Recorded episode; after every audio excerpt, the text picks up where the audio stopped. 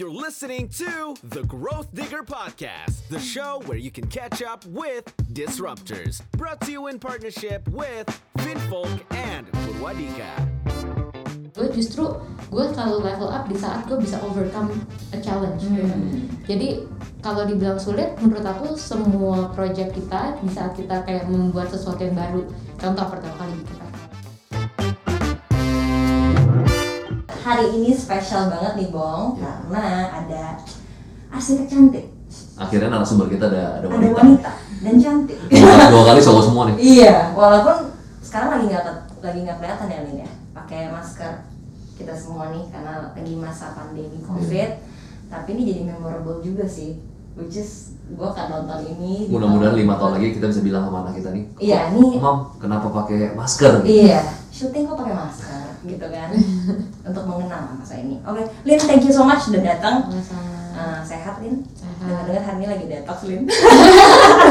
untuk Iya lebih nih, sehat ya buat lebih sehat menambah imun tubuh di masa corona Benar. biasanya yang lebih deket itu orang yang dekat itu panggil Agatha atau Caroline Olin sih kalau- Olin Mm-mm. jadi supaya deket itu panggil Olin aja ya Iya. Olin. Lagi sibuk apa Lin sekarang? Hmm, sibuk kan masih sama eh, jadi arsitek di Bita Design Studio. Terus Monster juga masih running sampai sekarang. Dan yang pasti ya sebagai mother dan and wife juga gitu. Oh ini udah satu. Gue nggak kebayang ya karena kan gue juga punya istri dan punya anak gitu ya. Eh, multitasking untuk kayak ini hidup gue nih ini anak gue Hmm, ini kerjaan gue itu nggak gampang banget Makanya. tapi awal belum belum sampai situ bener banget itu nggak gue gue penasaran banget gue sangat suka banget dengan interior eh, dengan arsitektur karena kan memang ini tahun ke-11 gue di properti. Jadi kayak eh, ngecium baunya aja ya walaupun nggak bagus ya bau.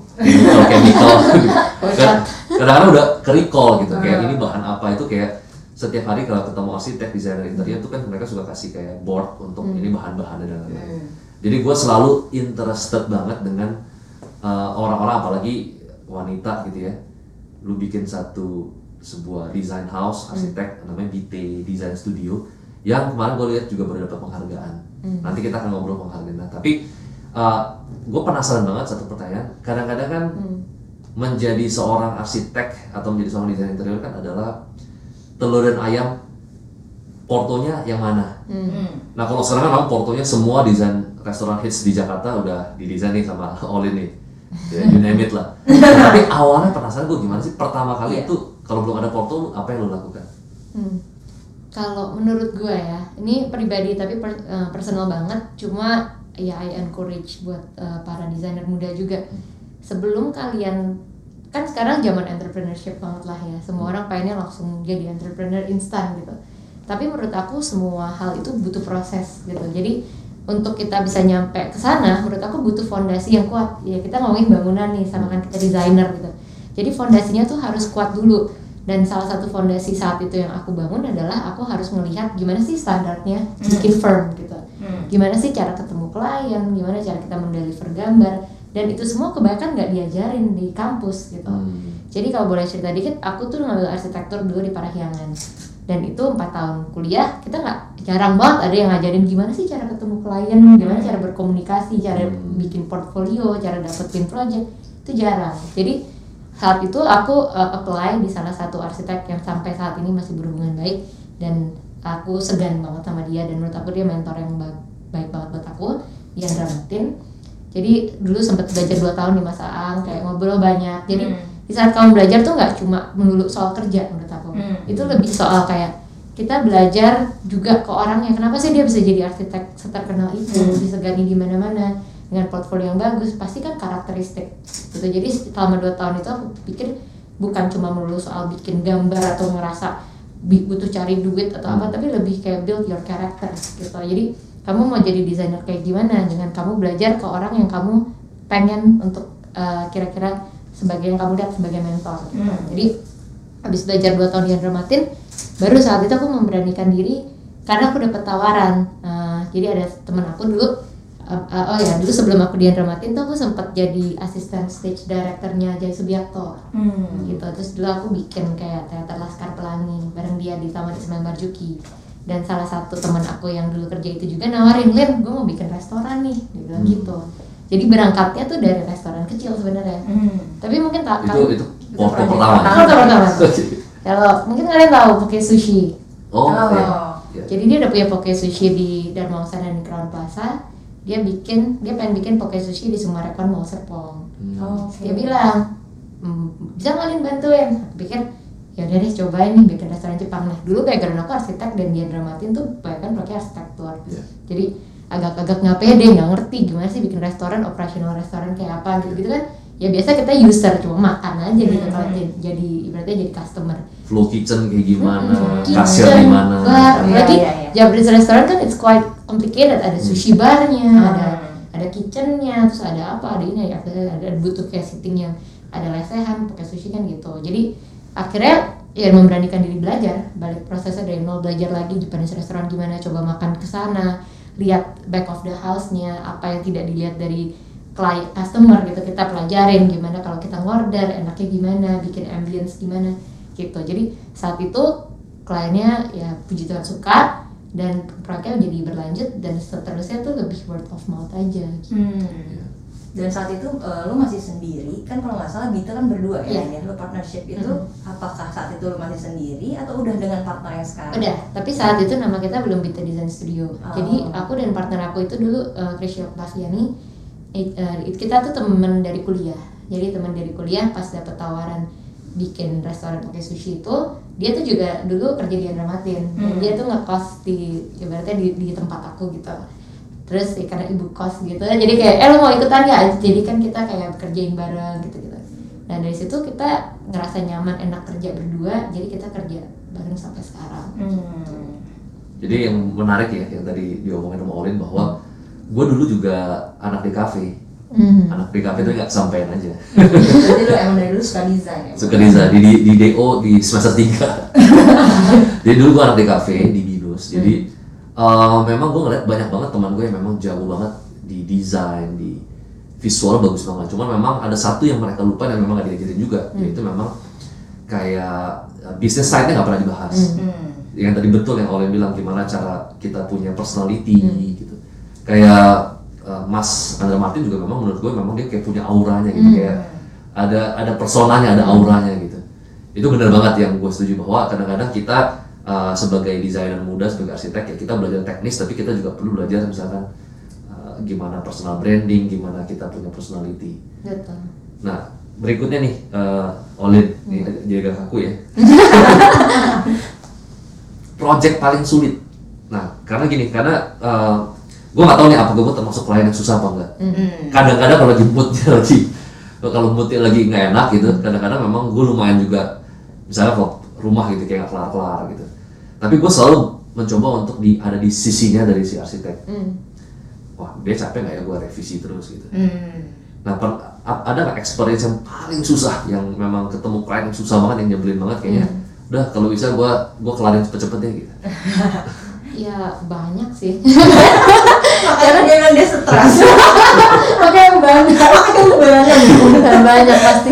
Karena menurut aku tiap project itu new challenge gitu. Jadi kalau justru tapi kalau kliennya nggak sulit, itu nggak berkembang gitu. Betul sih. Kalau kayak semua terjadi ya udah iya iya apalagi misalnya kliennya kayak iya terserah terserah terserah mungkin ya jadinya kita nggak belajar juga Iya, gitu. iya. Jadi kalau sekarang gue looking back gitu ya kayak 8 tahun bekerja gitu di dunia desain eh, 10 tahun dengan Diandra Martin itu tuh kayak menurut gue justru gue selalu level up di saat gue bisa overcome a challenge gitu. Hmm. Jadi kalau dibilang sulit, menurut aku semua project kita di saat kita kayak membuat sesuatu yang baru.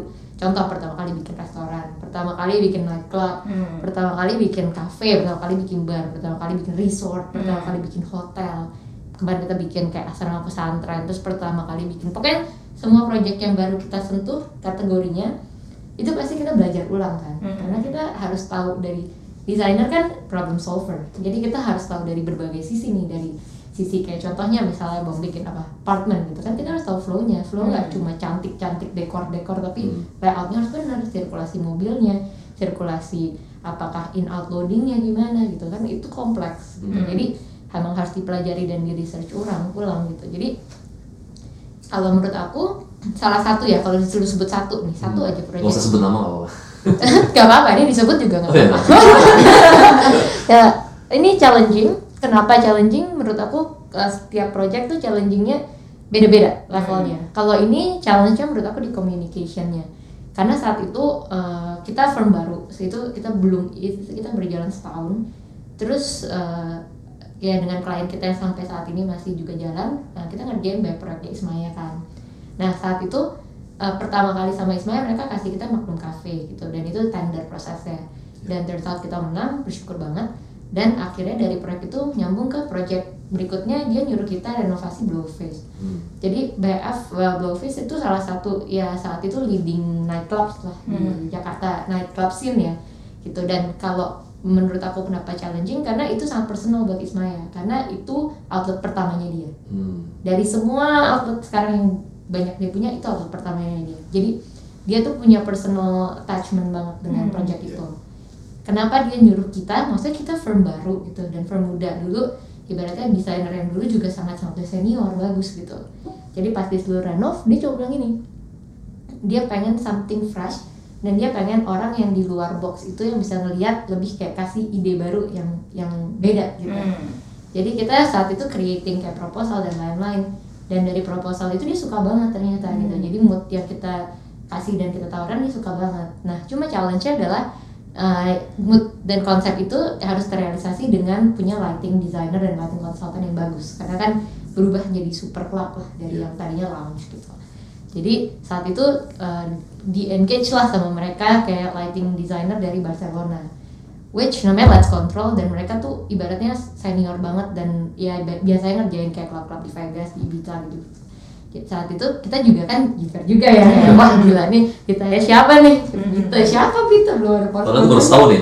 Setahun, itu belum ada portfolionya. Ya. cuma berapa paling portfolio gue di bawah 10 gitu. Terus ya udah habis itu eh, ya udah akhirnya yang bikin tegang adalah semua lightingnya tuh dirakit di Barcelona. Jadi di- kita cuma ketemu tuh lewat, lewat conference call lah gitu. Dan itu intens banget cuma kalau sampai kita bikin gambarnya salah pas dia di shipping ke sini Hmm. produknya nggak akan fit Hmm. karena kita bikin ibaratnya itu kayak eh, satu structured gitu yang diintegrate sama lighting lightingnya Hmm. jadi kalau sampai gue salah gambar nih yang kayak ibaratnya lighting dia yang nilainya mahal sekali itu nggak bisa masuk gitu. Hmm. jadi itu tegang banget saat itu jadi ya banyaklah problem-problem yang kita harus solve dan yang paling susah yang tadi aku bilang karena komunikasinya karena satu jamnya dia jam Eropa kita jam Indonesia gitu jadi gimana caranya kita bisa komunikasi baik dan terdeliver dengan baik jadi gambar kita bisa dia pakai patokan gambar dia bisa kita pakai patokan pasti shipping ke sini klop Hmm. itu sih jadi ya quite challenging tapi turns out bagus dan akhirnya lanjut lagi kita bikin dragonfly sama mereka juga Hmm. Jadi teman-teman yang kalau gue sih nggak pernah ke sana. Teman-teman ke sana, oh ini lighting ini ternyata ini yang buat, oh, ternyata interiornya yang buat ini. ternyata Olin. Nah tapi ini yang menarik nih, Bang. Gue pengen nanya juga Lin ya. Ini agak personal. Maksudnya eh, untuk menjadi desainer yang didengar. Maksudnya I understand kan. Kalau kita kerja sama interior designer atau apa kan, kadang-kadang kan klien banyak maunya. Contohnya kayak fashion designer, sampai fashion designer tuh bisa kayak klien yang nurut loh sama dia. Hmm. Untuk sampai ke titik itu yang pasti ada ego dong Hmm. kayak pengen dipercaya, desain kita diterima. Nah, pernah nggak sih Lin kayak ada rasa takut salah atau untuk sampai di posisi itu gimana supaya klien yang bisa ya udah Lin because gain trust lah Hmm. maksudnya gain trust ya gue percayalah sama taste Lin gitu kan Hmm. dan jadi klien yang denger Hmm. daripada didikte klien soalnya banyak pengalaman kayak teman-teman gue juga ada yang nggak berani memperjuangkan dia punya apa ya namanya desain Iya, jadi akhirnya dia ngikut Iya. ke mana klien eh, menyuruh gitu. Aku nggak mau ini. Ujungnya bukan jadi dia punya, hmm. ya you know lah what I mean ya. Hmm. Dia bukan punya dia punya desain, jadi ngikutin gitu. Hmm. Nah, Olin sendiri gimana? balik lagi kalau menurut aku itu proses lagi gitu kayak kal- eh, mungkin kayak tadi baik itu semua desainer lah ya mau fashion mau produk apa desainer grafis dan lain-lain di saat kamu udah punya satu strong portfolio gitu ya kayak orang udah look up to you kayak Mas Aang misalnya ya orang Iya. datang ke dia dengan bayar Mas Aang pasti udah expectnya Mas Aang yang kerjain deh ikutin Iya. kayaknya dia gitu Iya. Tapi menurut aku nggak semua orang bisa langsung reach situ. Kayak Betul. ibaratnya kita naik tangga nih. Ibaratnya kalau kita sebagai desainer itu pasti desainer tuh egonya tinggi banget ya kan? Hmm. kayak pasti ya lo ikutin gue lah. Orang gue yang kayak Iya. ibaratnya punya knowledge itu tapi nggak juga gitu. Menurut aku sering banget klien tuh lebih pintar dari kita. Hmm. sering banget. Dan menurut aku it's okay gitu. Kayak and then you learn something. Nanti di saat kamu udah mengerjakan cukup banyak dan emang bener-bener udah knowledgeable then you can be and in that position gitu jadi Hmm. nggak melulu di saat kayak kita baru kerja satu dua tahun langsung ngoyo dengerin gue dong gitu mungkin banget kayak contoh saat kayak tadi misalnya case yang tadi aku pertama kali kerjain proyek Mutisma yang menurut aku mereka jauh lebih pintar lah dari kita Iya, kebayang sih Lin. Iya kan? Nah. Jadi kayak kayak untuk kita mau sombong itu menurut aku it's stupid gitu kayak Iya. maksudnya lebih baik kita being very open minded dengerin mereka maunya gimana dan kita yang belajar. Hmm. Setelah kita kerja mereka 8 tahun pasti kita udah beda levelnya. Jadi kita udah bisa tukar pikiran, udah bisa ngasih tahu mungkin kayak kayaknya bagusan gini dan mereka pasti juga lebih dengar. Hmm. But you have to build your apa ya, your portfolio juga dan bi- dan build confidence-nya juga. Iya, Cara iya. build confidence-nya ya dengan menambah knowledge banyak mungkin gitu. Harus rendah hati juga tuh. Kan kayak nggak gampang juga kan harus mau belajar nah itu memang benar sih anak muda sekarang mungkin egonya udah agak tinggi kayak ah gue tau lah rasanya tuh kalau udah dingin kayak harus Benar. you know kadang-kadang kan kadang-kadang nggak ketemu tuh belajar. titik titik antara arsitek dia punya ego Hmm. dia punya uh, idealism iya dengan sudut pandang komersial Hmm. iya komersial dari budgeting dari Betul. karena kan gua ketemu dengan beberapa arsitek Hmm. Uh, tergantung sih kita mau bangun project apa. Kalau misalkan memang kita bangun project yang high end, it's okay kalau misalkan kita pakai KDB-nya cuma 20 25 persen, ya. Uh, beberapa arsitek-arsitek ternama, di, misalkan di Singapura gitu ya, itu mereka memang kalau bangun project itu kadang kita mau pun mereka belum tentu mau sama kita. hmm. Ya mereka mereka mau betul-betul yang iconic project gitu. Nah tapi eh, kadang-kadang kita sebagai sudut pandang developer ya bagus sih kalau misalkan bisa KDB-nya cuma 20-20 persen. Ya greennya lebih banyak nggak mungkin nggak lebih nggak bagus ya. Pasti lebih bagus kalau green space lebih banyak. Tapi kalau misalkan eh, dijual terus kita rugi kan nggak mungkin juga. Hmm. Nah gimana nih cara Olin dan BT untuk bisa compromising Hmm. dan ketemu di tengah Hmm. antara idealism dengan komersial. Komersial. Ya, itu menurut aku tahapan ke desain gitu. Jadi kita tuh di tahap ya balik lagi tadi designer is a problem solver and it's part of problems gitu. Problems itu kan pasti datangnya dari berbagai macam banyak gitu. Dari klien pun pasti punya problem. Kayak problemnya klien ya kayak misalnya contoh kayak tadi developer ini nih nih gue harus meet the meet my budget timeline biasa budget timeline terus dengan apa namanya dengan nanti dari orang marketing harus gini gini gini dari orang struktur gini dari orang ME gini dari kontraktor begini jadi sebagai desainer arsitek ataupun arsitek sih biasanya kita tuh di tengah nih Hmm. nampung nih kayak oh ini maunya ini maunya ini maunya ini maunya ini dan kita bikin solusi ini apa gitu desainnya seperti ini gitu. dan menurut aku itu lebih kayak apa ya harus punya perspektif yang macam-macam jadi nggak bisa kayak tadi kayak nge-push egonya Hmm. kayak gue mau idealis ya, tapi nanti dia nggak jualan Hmm. misalnya ya terus kalau nggak jualan tetap aja apakah itu berarti desain lu berhasil walaupun itu bagus enggak menurut aku Hmm. karena satu desain itu kan ibaratnya harus fungsional kan Ya, bagaimanapun juga mau dia ikonik se ikonik ikoniknya juga bagaimanapun tapi tetap harus fungsional dan cantik doang atau bagus doang tuh nggak berarti ya itu proyeknya berhasil gitu. Setuju. ngomongin apalagi kayak misalnya building kayak office atau enggak apartemen bagaimanapun kan kayak semua elemen yang ada di situnya harus benar dan emang dia harus bisa beroperasi dengan baik kan. Kalau kita kayak bener-bener bilang gue idealis gue nggak mau ikutin komersial sama sekali jadi jadi painter aja gitu jadi seniman aja menurut aku ya. Karena bagaimanapun kalau ada ngomongin desain it's for people it's for human gitu kan. Hmm. jadi komersil kenapa dibikin komersil? Karena kan pasti dia pengen jual lebih banyak dia pengen mendapatkan kayak memenuhi kebutuhan-kebutuhan orang gitu. Jadi at least basic rulesnya tuh bener dulu. Baru deh mau ngomongin shape-nya lebih iconic kah mau dibilang lebih idealis. Jadi ibaratnya harus lebih imbang aja idealisme dan komersilnya gitu. Jadi kalau di Bita biasa kita kedepanin fungsinya dulu baru dan we can play around with materials Hmm. kah atau enggak desain lebih dicantikin lagi atau Hmm. apa tapi key-nya fungsinya bener dulu gitu. Hmm. jadi kalau fungsinya udah benar pasti ya semoga secara komersial juga udah lebih gampang dijual lebih bisa works bisnisnya atau enggak jualannya atau apa pun itu gitu. Hmm. Iya, memang tuh harus harus balance ya. balance Betul. Dan kalau misalkan memang uh, banyak banget nih interior desain atau arsitek terutama, kadang-kadang mereka tuh pengen cerita sesuatu nih di, di buildingnya mereka. Cuma memang kadang-kadang nggak tersampaikan. Kayak contoh waktu uh, apartemen dari Trinity Land yang kita bangun itu Brooklyn ya. Brooklyn itu yang desain adalah Pak Ridwan Kamil sebelum dia jadi uh, apa gubernur sekarang ini sebelum jadi wali kota bahkan. Uh, dan konsepnya beliau itu adalah dia ingin bangun apartemen yang nggak pagar nggak ada pagar. Kita tahu ya kalau tipikal di Indonesia kan semua apartemen pertama diuruk tinggi dulu terus bikin pagar. Kayaknya betul-betul kayak Indonesia tuh kayak nggak aman banget gitu. Tapi kalau misalkan beberapa di luar negeri kan ya building sama building tuh nggak ada pagar. Nah, makanya kita suka jalan tuh kan jalan di downtown ya misalkan di beberapa kota lah. Uh, kita mau shopping tinggal masuk sebelah kiri. Jadi nggak ada nggak ada perbedaan level. Memang itu satu syaratnya nggak boleh banjir dulu tempatnya. Nah kebetulan Brooklyn kan memang uh, di, daerah Alam Sultan nggak banjir. Dan yang diceritain Pak Ridwan Kamil itu adalah ini apartemen tanpa pagar dan tidak ada mobil yang parkir makanya kenapa banyak komunitas sepeda kan sekarang jadi titik kumpul di Brooklyn. Setiap pagi itu pasti 100 orang. Cuma nggak ada yang tahu. Jadi em, kalau misalkan kita nggak ceritain itu tuh orang-orang tuh kayak nggak nggak nggak paham. Padahal sebenarnya itu bukan tiba-tiba jadi titik kumpul sepeda by accident. Hmm, dia udah mikirin panjang. Betul gitu. Nah gimana tuh eh, supaya misalkan kamu nih punya desain gimana caranya supaya orang tuh paham oh ini nih gue pengen bikin satu project yang punya meaning punya arti punya purpose gitu.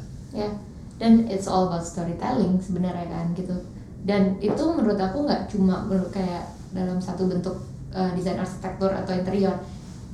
Kayak let's say painting gitu. Setiap orang lihat satu painting bisa punya feeling yang beda-beda Hmm. gitu. Dengan padahal story yang udah jelas banget ditempel tuh. Kalau misalnya painting misalnya ke museum nih Tate gitu terus dikasih tahu nih kayak ceritanya ini ini that inspires me blah, blah, blah, notion of apa itu aja udah ada ceritanya. Hmm. tapi orang tetap punya perspektif yang beda-beda pas ngeliat tulisan itu. Apalagi building menurut aku. Building itu kan sebenarnya sangat apa ya ya objektif gitu yang bentuknya lebih kaku daripada painting. In a way pasti lebih susah creating emotion kecuali buildingnya ini lebih kayak museum atau apa yang kita punya kayak ibaratnya uh, freestyle lah terserah lu mau bikin kayak gimana emang yang tugasnya adalah bikin emotion gitu. Kayak Peter Zumthor salah satu arsitek yang sangat apa berbicara soal emotion gitu. Cuma untuk kayak bangunan-bangunan kayak apartemen kayak tadi contohnya menurut aku dan kita harus bekerja sama dengan tim marketing dan dan communicationnya yang baik gitu. Iya. jadi di saat kita ngedesain sesuatu pasti desain itu berangkat dari konsep ya kan? Konsep yang kita udah jelas nih oh kita bikin konsepnya gini. Mungkin itu pertama yang kayak di present sama desainer. Nah konsep itu nggak boleh dilupain juga pas kalian lagi kayak nge-marketingin bangunan itu gitu. Jadi konsep itu harus selalu dibawa gitu dan dibawa supaya pas kayak kalian bikin brosur kah website atau Instagram or anything Ada the way you communicate it, it also tells the story about the building. Iya. nggak cuma telling story about locationnya gini kayak ini terletak di gini berapa kamar gini nah, tapi lupa tuh core-core-nya yang kayak justru dibicarain dari awal gitu. Dan jadi itu yang Bong lakukan. Nah, luar biasa. Kalau misalnya building buildingnya Bong ya kalau Olin bilang gitu storytellingnya Iya. itu yang mungkin membuat berbeda. Iya. ya kan? Karena memang em, buat gue itu ada ya gue suka banget sama arsitek dan interior. Kenapa? Karena kayak tanah kosong itu tuh jadi kayak kanvasnya dan gimana caranya. Walaupun gue bukan orang arsitek ya tapi uh, ketika kita lihat The Smith itu kan kita waktu itu kan tahun 4 tahun lalu tiga setengah tahun lalu itu kan yang namanya startup itu unicorn tuh kayak lagi orang-orang semua ngomongin banget. Mm, gue pikir lucu juga ya kalau misalkan kita bikin comfortable home office. Jadi dan tiba-tiba ada covid hmm. jadi kita yang kita bikin itu rumah yang residence bisa jadi office yang kita bisa convert jadi interior itu adjustable Hmm. itu ternyata tiba-tiba ada covid dan semua orang work from home gitu jadi Iya. apa yang kita storytelling selama ini akhirnya ternyata Terjadi. terjadi lebih cepat gara-gara covid Iya, iya, iya. Nah, yang yang menarik ini, gue pengen nanya juga sama Olin ini. Ini men- mengenai mencari klien. Hmm. Kalau misalnya dengar cerita gitu, mungkin bagi teman-teman yang dengar gitu yang lagi merintis juga a firm gitu di interior design atau arsitek kayak Lucky gitu kan. Olin cukup beruntung. Hmm. Uh, satu proyek terus dapet tender, Ismaya dan langsung diberikan kepercayaan. Hmm. Nah yang itu pernah gue pernah interview Olin juga ingat kayak waktu pertama-tama covid Iya. ya kan Uh, semua bisnis mulai lesu terus mulai bingung nih nyari klien gimana. Nah ada satu pertanyaan gue ingat banget gue tanya uh, selama ini Gita dapat project tuh dari mana? Biasanya kan kita akan melakukan marketing, mm, either mungkin digital marketing atau kayak gimana dan Olin bilang dari mulut ke mulut. Mm. Selama ini Gita tidak pernah tuh yang namanya you know like cold calling atau Advertisement. advertisement itu benar-benar pure dari satu klien ke klien ke klien yang lain. Nah menurut Olin tapi apakah cara seperti itu memang paling efektif karena ada beberapa bisnis yang gue percaya memang nggak bisa terlalu hard Hmm. selling kan Iya. nggak semua cocok gitu nah menurut Olin mungkin bisa kasih, kasih tips juga Hmm. ke mereka sebenarnya how to you know to find clients gitu Hmm. Balik lagi sebenarnya Beat itu kan kita bikin di 2011 ke 2012. Jadi saat itu sebenarnya tools untuk kayak sekarang tuh beda banget gitu. Kayak kita belum ada yang namanya Instagram saat itu ya. Hmm. 2011-an itu kayak belum ya. Atau enggak ya? 2012 Instagram. belum populer lah Ya, gitu. ya. Jadi Instagram ya mungkin Facebook gitu-gitu. Tapi, tapi social media tuh nggak kayak sekarang, belum se-happening sekarang lah. Facebook happening tapi bukan yang kayak lo tinggal post kayak langsung kesebar semua. Facebook kan lebih kayak friends gitu kan, Iya. kayak lebih dengan kayak circle kita gitu. Nah, jadi saat itu eh, mungkin mindset kita di saat itu juga bukan yang kayak langsung berpikir cara kita promoting Bite gini gini gini gini enggak. Jadi ya mungkin ya well you can say I'm lucky gitu ya. Tapi menurut aku lebih eh, ke arah di saat pertama kita bikin Bite to be honest kita nggak langsung mikirin gimana cara marketingin Bite-nya. Hmm. kita saat itu lebih mikir gimana kita build Bite-nya gitu kayak internally. Jadi lebih kayak kita waktu itu lebih ya building portfolio Hmm. kayak lebih memperbanyak aja project-project project dulu. Terus lebih kenalan dengan lebih banyak orang gitu. Jadi se- ya kayak berapa tahun pertama lebih kayak mungkin klien-klien kita bisa dibilang masih circle-circle itu itu dulu baru akhirnya kayak Ismaya yang kayak Hmm. lebih kayak lebih circle jauh terus eh, kayak dulu standar Deniman di Plaza Senayan itu Iya. eh, juga masih kenal Itu baru tahu loh yang bisa. Pas kemarin gue scroll di gitu, oh ini oh yang bisa. tuh jadi kayak masih apa ya menurut aku kalau lu nggak bisa cari trust dari orang yang lu belum kenal gain trust from your circle. Orang-orang yang lu kenal dulu First step ya. first step. Hmm. kayak sama Mas Ransi aja ya kan? Kan? Jadi, kejar dulu circle inner circle-nya gitu. Iya kayak even ngerjain kayak kamar atau rumah tinggal atau ngerenov ke rumah ruang makan dari orang tuanya sendiri omnya tantenya Iya. gitu. Dari situ kan you're building your portfolio. Hmm. Dengan sekarang dengan teknologi udah lebih, lebih canggih kita malah dikasih platform baru Iya. tinggal bikin satu project post Post. post post post, kayak wording wordsnya spreadnya udah lebih cepat lah pasti Hmm. sekarang makanya menurut aku sekarang juga ngelihat firm uh, dan studio design banyak banget yang bagus-bagus juga banyak banget gitu Hmm. jadi ya we, we are very lucky in a way tapi yang mungkin challenging dan jangan pernah dilupa adalah prosesnya. Hmm. gitu. We are lucky dengan kita punya platform dengan segampang itu kita ngeblasting something tapi fonda- fondasinya tetap harus kuat dulu gitu. Kalau enggak di saat kamu kayak udah ibaratnya terbang kayak ibaratnya kita baru nge-reach that level mungkin saat kita udah kerja 3 tahun 4 tahun sekarang mungkin bisa dibilang ya satu tahun kerja udah punya studio udah banyak banget nih foto-foto di Instagramnya. Fine tapi yang pasti pastiin dulu fondasinya kuat gitu jangan sampai nanti dapetin satu project Hmm. terus saya belum kuat ambrol gitu Ya, terus bubar kecewa ya malah ya. Heeh, Iya. kan jadi lebih apa ya lebih kecewa bener betul. gitu sekali Nah biasanya kan kalau arsitek itu kan atau misalnya orang umum ya orang umum mungkin lebih banyak tahu oke foto kita taruh di Instagram. Hmm. Eh, padahal sebenarnya kalau kita nih lagi mau desain sesuatu, gue mau desain sesuatu, gue pasti akan cari bukan di Instagram tapi di Pinterest. Hmm. Hmm. Uh, Bite Studio pakai nggak Pinterest dan ada beberapa teman-teman gue yang bilang interior designer kadang-kadang mereka anggap Pinterest itu sebagai trend, sebagai sebagai Oh, karena lu lihat udah ada moodboardnya atau inspirasi, lu Iya, desain sendiri suruh gitu ya. orang kerja borongan gitu ya. Walaupun ya mungkin tetap ada marketnya mungkin orang-orang yang uh, low budget ya pasti akan seperti itu. Tapi lu ngeliat Pinterest itu sebagai sebuah tools untuk atau pakai atau enggak sebagai tools untuk ningkatin bite atau memang itu benar apa yang teman-teman gue bilang itu bisa jadi satu satu trend. menurut aku sih lebih tools ya gitu kalau trend sih menurut aku ibaratnya mungkin orang-orang yang pe- memang kayak menganggap Pinterest itu enough untuk mereka pakai desain Hmm. mungkin itu memang bukan target market yang kita mau Iya. juga gitu. Iya. mungkin tapi kalau untuk kita sendiri itu it's a tools karena menurut kita bagaimanapun Pinterest itu helps us to visualize what we want ke klien gitu. Jadi Hmm. dalam step pertama tuh pasti kita bikin mood board.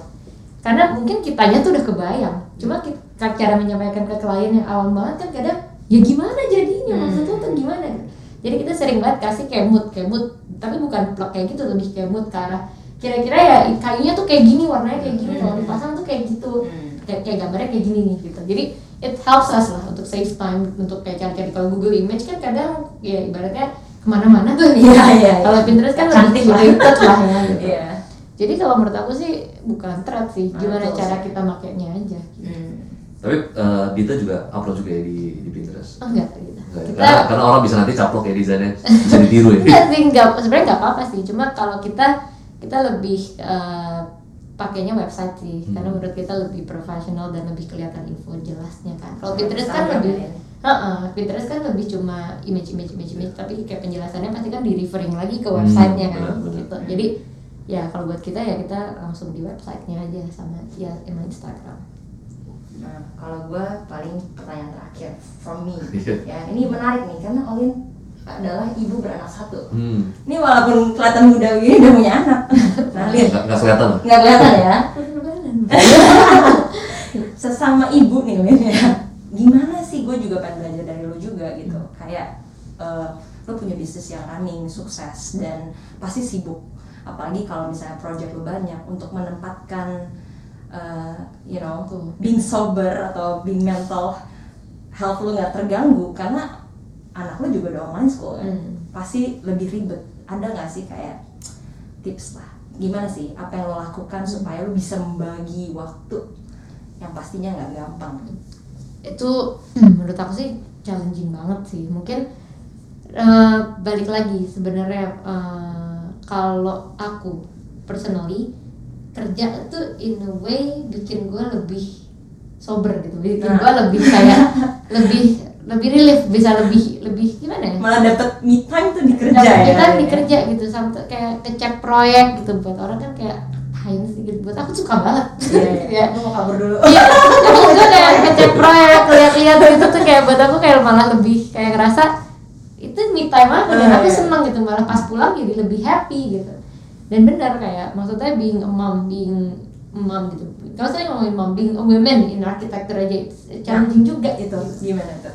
Challengingnya gimana maksudnya kalau jadi woman dan karena gini kayak kemarin tuh ya kita baru dap- ke feature jadi 100 jadi ada eh, ada buku di Indo- Indonesia bikin 100 biro arsitek gitu. Hmm. dan di dalam 100 biro arsitek itu sama sekali nggak ada yang cewek-cewek. Jadi Hmm. ada cewek tapi bi- biasa kayak cewek partner sama cowok pasti ada cowoknya. Jadi di situ cuma Bita itu kita benar-benar cewek berdua gitu yang ke feature gitu. Jadi dari 100 firm itu satu-satu firm ya kita yang cewek dua-duanya. Buat buat aku tuh kayak nyadarin juga kalau emang ya jadi arsitek kan emang it takes apa ya big responsibility pasti semua profesi sama kan gitu. Tapi kayak apa kayak butuh kreatif nggak sih? Butuh kreatif, kreativitas. kreativitas dan juga waktu waktu Iya, waktu dan tenaga Iya, gitu. betul juga. Mungkin kalau kayak kantor bisa bilang uh, 9 to 5 gitu. tapi kalau arsitek kan kita suka cek site. Belum lagi kalau proyeknya di mall cek site malam-malam. Hmm. terus ya gitu gitulah. Jadi mungkin ya itu sih kayak kalau ditanya saat arsitek di dunia yang terkenal cewek siapa dikit banget siapa Olin. Iya. belum ya amin amin. Sama Agatha ya. amin amin. Dik- tapi masih dikit lah gitu. Jadi menurut aku kayak itu justru raising questions. Kenapa ya arsitek Hmm. dikit yang cewek gitu? Dan ternyata ya bener komitmen. Karena cewek di saat dia udah hamil punya anak in a way shifting kan pasti kan fokusnya. Terus kita uh, priority-nya juga ber- berubah. Sedangkan profesi ini tuh menuntut orang tuh kayak fully present banget Hmm. gitu. Iya, iya.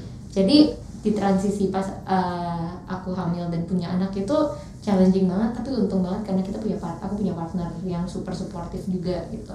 Krisya dan Seno juga. Jadi uh, saat itu ya kita- akhirnya bagi dia ibaratnya support support lah kayak dia backup. Nanti pun mungkin saat Ica punya anak pasti aku juga akan backup gitu. Hmm. gitu. Jadi kalau untuk profesinya gitu. Tapi kalau untuk as a mother ya menurut aku lebih kayak lebih ke arah apa ya ya sampai sekarang jujur masih juga belajar. Jadi ya yang pasti eh, kemarin aku banyak baca buku sih. Kayak yang pasti di saat kita bisa eh, jadi ditanya gini sama bapak mertua aku. Hmm. kayak kamu kalau misalnya eh, apa?